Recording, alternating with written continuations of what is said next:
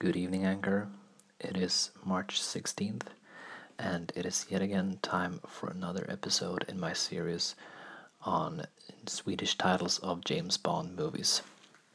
Tonight, we are up at uh, 1970, I would like to say 5, but IMDb says 74, so I say we should trust IMDb.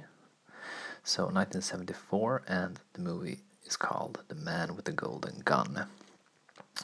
It's Roger Moore's second movie as James Bond, and it stars it also stars Christopher Lee as Scaramanga.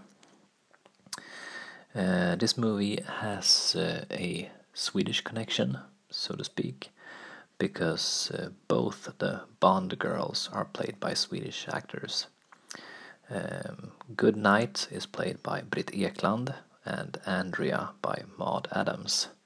And Maud Adams is also coming back in a later movie, playing a different character. So she's one of few actors and actresses who's been in multiple Bond movies playing multiple characters. Okay, so The Man with the Golden Gun is titled Mannen med den gyllene pistolen in Sweden. And that is a literal translation, so not much to say about that.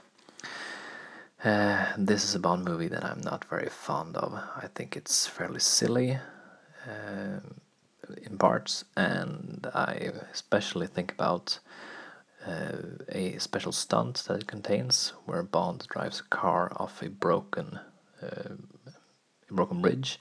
The car turns around 360 degrees, and he lands on the other side. Super cool stunt a real stunt, but the movie ruins it completely with a silly sound effect. So that's sad.